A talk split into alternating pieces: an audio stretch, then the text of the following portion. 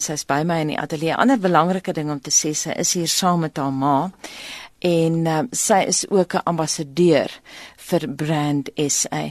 Good morning, bonjour. Good morning, hello.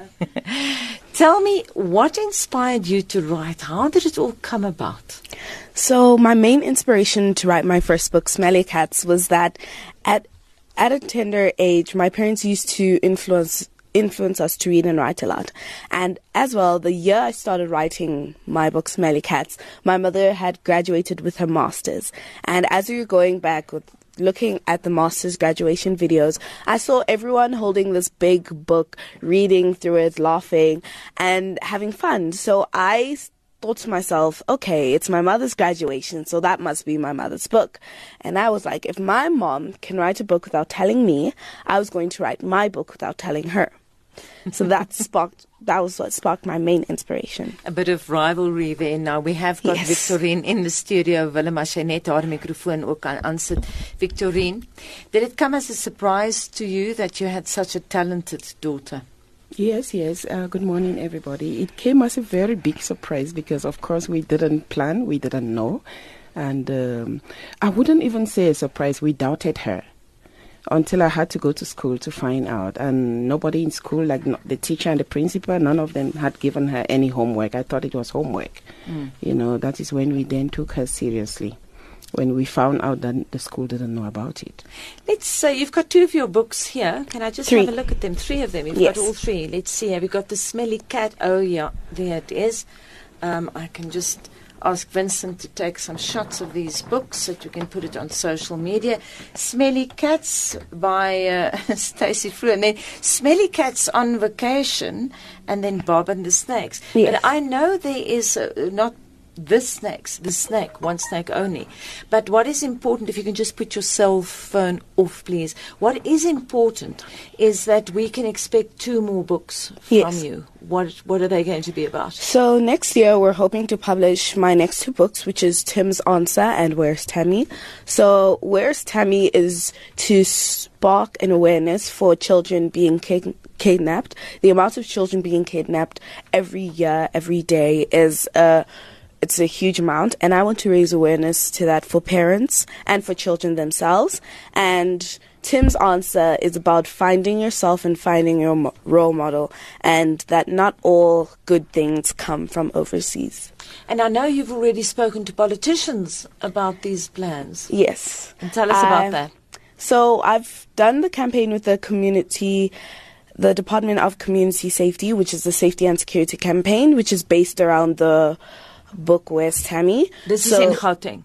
Yes, Gauteng. So in this project, we went around with the department and we went around to underprivileged schools, to underprivileged children, and we gave them a whole full course on how to be safe and secure during the holidays, how to, you know, speak to strangers if a stranger comes up to you, how to somehow avoid a kidnapping, how to react when around a large fire or a large amount of bodies of water. So that's what we did um, with the department, yes. As jy pas by ons aangesluit het en wonder met wie ek gesels, die 11-jarige Stacy Vroe is my ateljeegas vanoggend en sy het al 3 boeke geskryf. Sy het begin skryf op die ouderdom van 7. Sy sê I have to ask you, do you do research for your books when are talking about uh, children being kidnapped and so on? What sort of research do you do? So yes, I do research. When it came to the book Where's Tammy, I did some research because it was also somehow fiction and not fiction at the same time because it's it really happens in real life and I did some research on the internet about how safety tips and I also got police numbers and ambulance numbers, firefighter um, numbers, which we put in the book. And we also had a message for parents um, on how, yeah, when your child gets kidnapped and how to also raise awareness in your community for other parents and other children. Now, you and your mother, Victorine, you are a power couple. You, both of you are brand SA ambassadors. Yes. I just have to tell our listeners that I know that your parents are from Cameroon, but you are South African. Yes. Uh, I I'm- think your mother is now also technically a South African, but of course born in, in Cameroon. Victorine, you must be extremely proud. I can just look at you and see how you're smiling. Smiling. I just see dimples and a great big smile. Happy family. Very proud of your daughter. I am very proud of my daughter, yes, uh, but sometimes very fearful because you don't know what the world holds for a child like this. So, and I, I really hate calling it pride uh, because it is not pride. She would be nothing if we were proud. She's something because people have made her something. So I'm not proud of Stacey. I'm proud of the people that have elevated Stacey. Tell us a bit about the brand SA ambassadors. Both of you are ambassadors. Yes, I am a brand SA ambassador uh, since 2016, and Stacey became a brand SA ambassador this year. So basically, what that means is we play our part in elevating South Africa.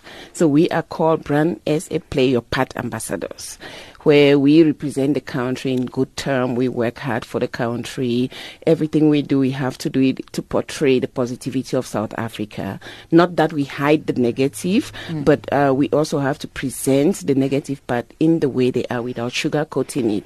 Because, you know, there's this um, impression that many people think if you talk wrongly about something, you're better than others. Mm. So as brand SA ambassadors, we look at fixing the wrong rather than talking about it. We play our part in making South Africa a better place. Stacey, I can hear that your mother emphasizes the importance of being humble. Yes. And do you see yourself as a role model for girls your age? Not and only boys your age. yes, I do see myself as a big role model for children my age, older and younger than me, because I think that they've never seen that type of thing before. And when I go out to give to give motivational talks or inspirational talks, you could see that they're really amazed and inspired to also do better. So I do this through my foundation, the Stacey Fru Foundation, which is a foundation mainly focused on education and safety and security. What are your plans for the future? I might be speaking to a future South African president here. I'm starting to think while I'm doing this interview. What are your plans, Stacey? So next year, I'm hoping to take my foundation further, but beyond school, I want to graduate with my PhD, not sure in what profession, travel the world, but also continue doing good work with my foundation. Thank you very much. Merci beaucoup. Dit dan die jong Suid-Afrikaanse skrywer Stacey Fru en ons het ook met haar ma Victorine Bongshaw gepraat. Merci beaucoup. Thank you for coming into the studio. Thank, Thank you, you so much for having us.